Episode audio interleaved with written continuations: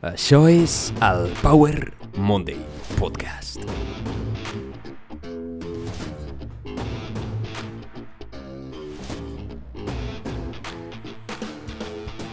Benvinguts al Power Monday Podcast, sóc en Pau, el teu apassionat de fitness, motivació i ciència i això és el Power Monday, la teva dosis de motivació i coneixement per començar la setmana amb forces, ganes i un gran somriure. Aquesta setmana et porto una frase llatina molt coneguda, que m'agrada molt, i una reflexió sobre la pau, i per l'altra banda parlarem sobre l'aigua, sobre l'aigua que bevem. Els humans bevem molta aigua, utilitzem molt plàstic i gastem moltes ampolles, però és necessari fer servir un filtre d'osmosis reversa i quins impactes té sobre la nostra salut? Això en aquest episodi.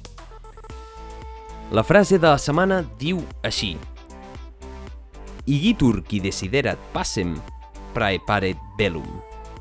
O la versió curta, si vis passem para velum. I potser ja saps que aquesta frase significa el següent. Si vols la pau, prepara't per la guerra. Si vols la pau, prepara't per la guerra.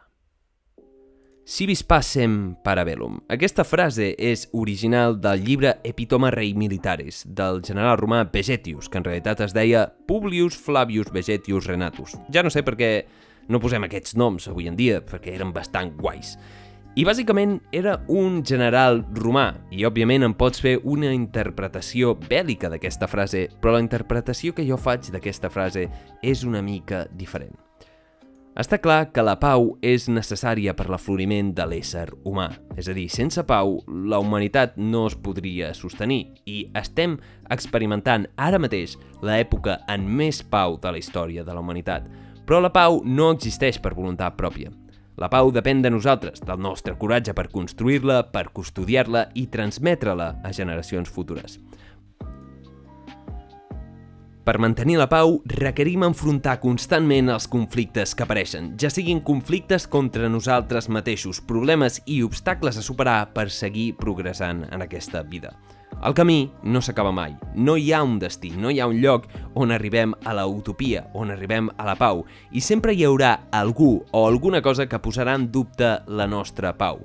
Siguis qui siguis, tinguis els diners que tinguis i, i sigui quina sigui la teva situació, la vida et posarà a prova i et posarà reptes i problemes que qüestionaran la teva pau.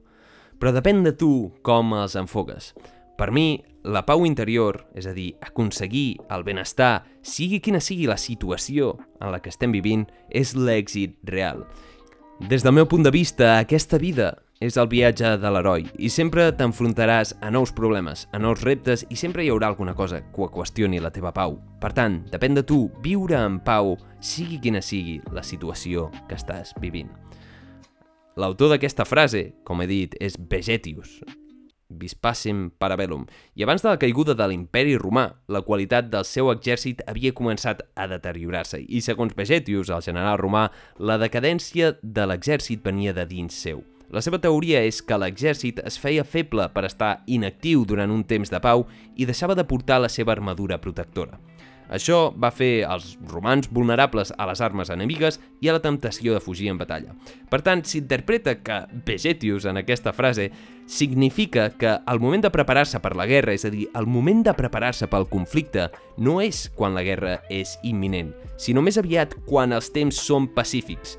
De la mateixa manera, un fort exèrcit en temps de pau podria indicar als esperants o invasors atacants que la batalla potser no val la pena i que no poden vèncer aquest exèrcit. Metafòricament, aquest exèrcit ets tu, som nosaltres, i hem de posar dedicació, esforç i recursos a mantenir la pau i a prevenir les guerres que vindran o problemes que afloriran pel fet d'estar vius. És a dir, hem de procurar mantenir la nostra salut i el nostre benestar per estar preparats pels problemes que vindran, i creu-me que vindran. I ara anem a parlar una mica de l'aigua. Hi ha un proverbi eslovac que diu «L'aigua pura és el primer i primordial medicament del món». I aquest proverbi té molt sentit, ja que durant la gran història de la humanitat, que és molt curta, hem tingut molts problemes amb l'aigua. I no ha sigut fins recentment que hem pogut domesticar l'aigua i poder-ne obtenir de forma segura i constant a moltes parts del món. L'aigua és una de les bases de la salut humana i de la longevitat. Una lleugera deshidratació, un 2% de deshidratació, causada per l'exercici físic o per la calor pot tenir efectes negatius en el rendiment físic, mental i bàsicament ens deixa fets merda. El 60% del cos més o menys està format per aigua i és el medi on totes les reaccions bioquímiques del nostre cos tenen lloc. Deshidratats, no funcionem bé. Per tant, amb aquesta calor que fa ara mateix, Recorda hidratar-te constantment.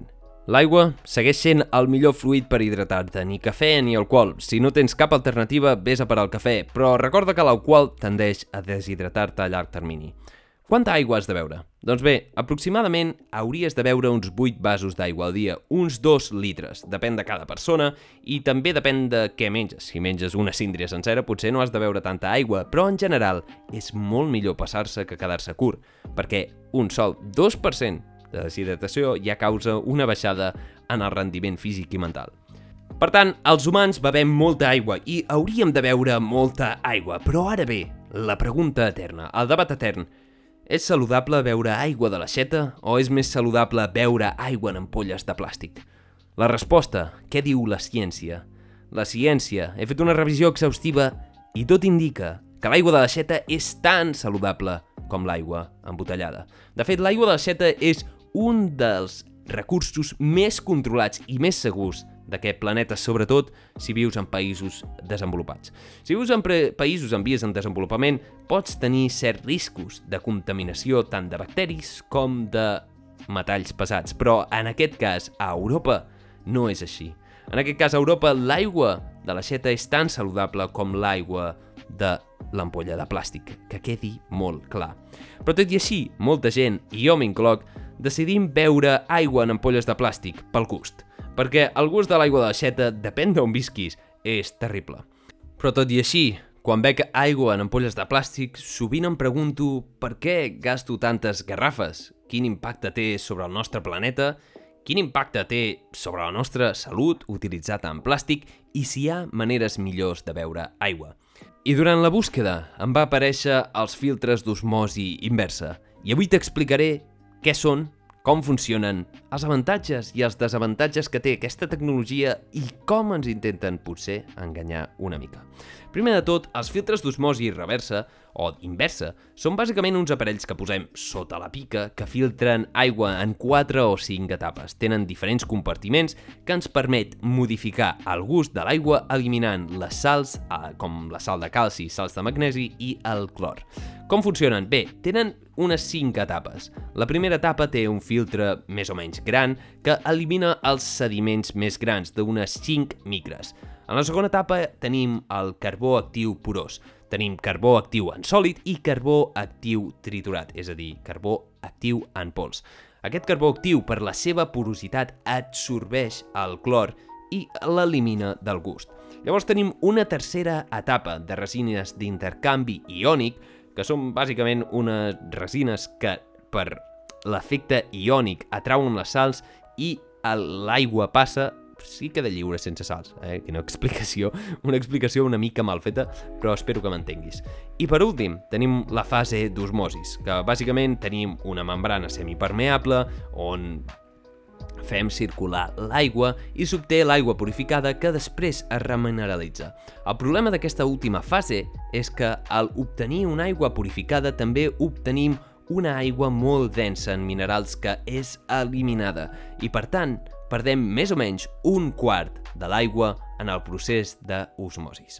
Per tant, l'ús de filtres d'osmosi inversa té les següents avantatges. Milloren el gust de l'aigua, menys viatges al supermercat per comprar aigua, perquè no has de comprar tantes garrafes, menys ús de plàstics d'un sol ús, com ampolles i garrafes, i també és més barat.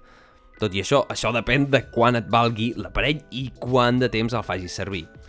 Però els filtres d'osmosi inversa no són tot flors i violes i tenen certes desavantatges. Primer de tot, el que deia, és el desperdici d'aigua.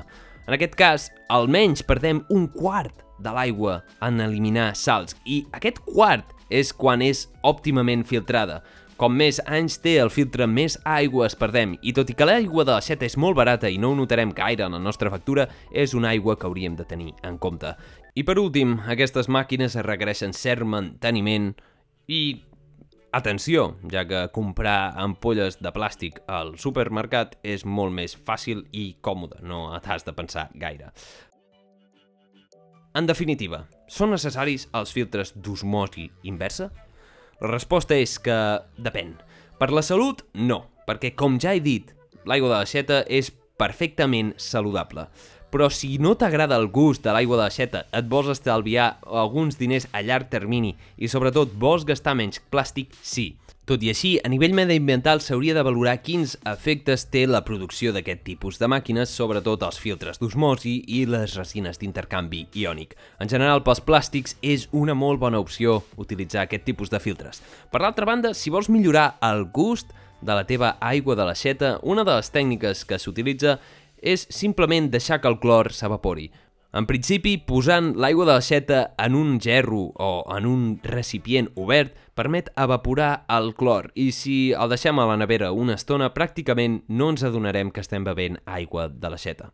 Per últim, vull parlar una mica de l'efecte dels envasos de plàstic en l'aigua. I és que, a part de l'impacte grandíssim que tenim a nivell mediambiental de la producció i ús de plàstics d'un sol ús que pràcticament no reciclen, menys d'un 30% del plàstic es recicla a Europa, els plàstics tenen un problema a nivell de salut. A part dels microplàstics que acaben al mar, els plàstics es fotodegraden. I això és molt important, ja que si compres ampolles de plàstic, no les exposis al sol. Per què?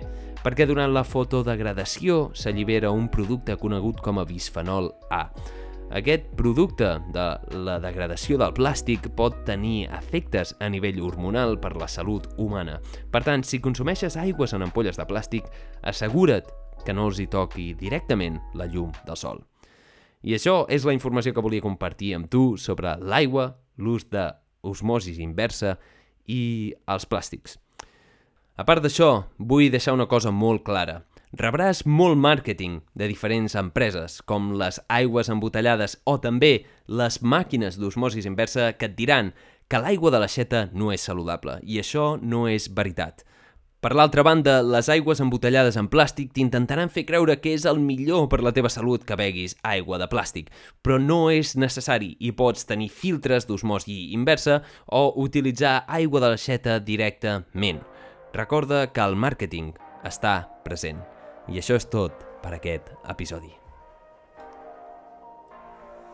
Moltíssimes gràcies per haver escoltat aquest episodi. Espero que hagis après alguna cosa o t'hagi apartat valor. Recorda, si t'ha agradat, si us plau, comparteixo amb els teus amics o alguna persona que creguis que pot aprendre d'aquest episodi. Vispacem para bellum. Si vols la pau, prepara't per la guerra i hem de recordar que l'aigua és essencial per la nostra salut i que l'aigua de l'aixeta és saludable. No deixis que en manipulin tant els que fabriquen les aigües d'osmosi inversa com els que fabriquen les aigües embotellades en plàstic. Hem de replantejar-nos el nostre consum d'aigua i fer-ho de la manera més sostenible possible. I ens veiem en el pròxim episodi. Ciao.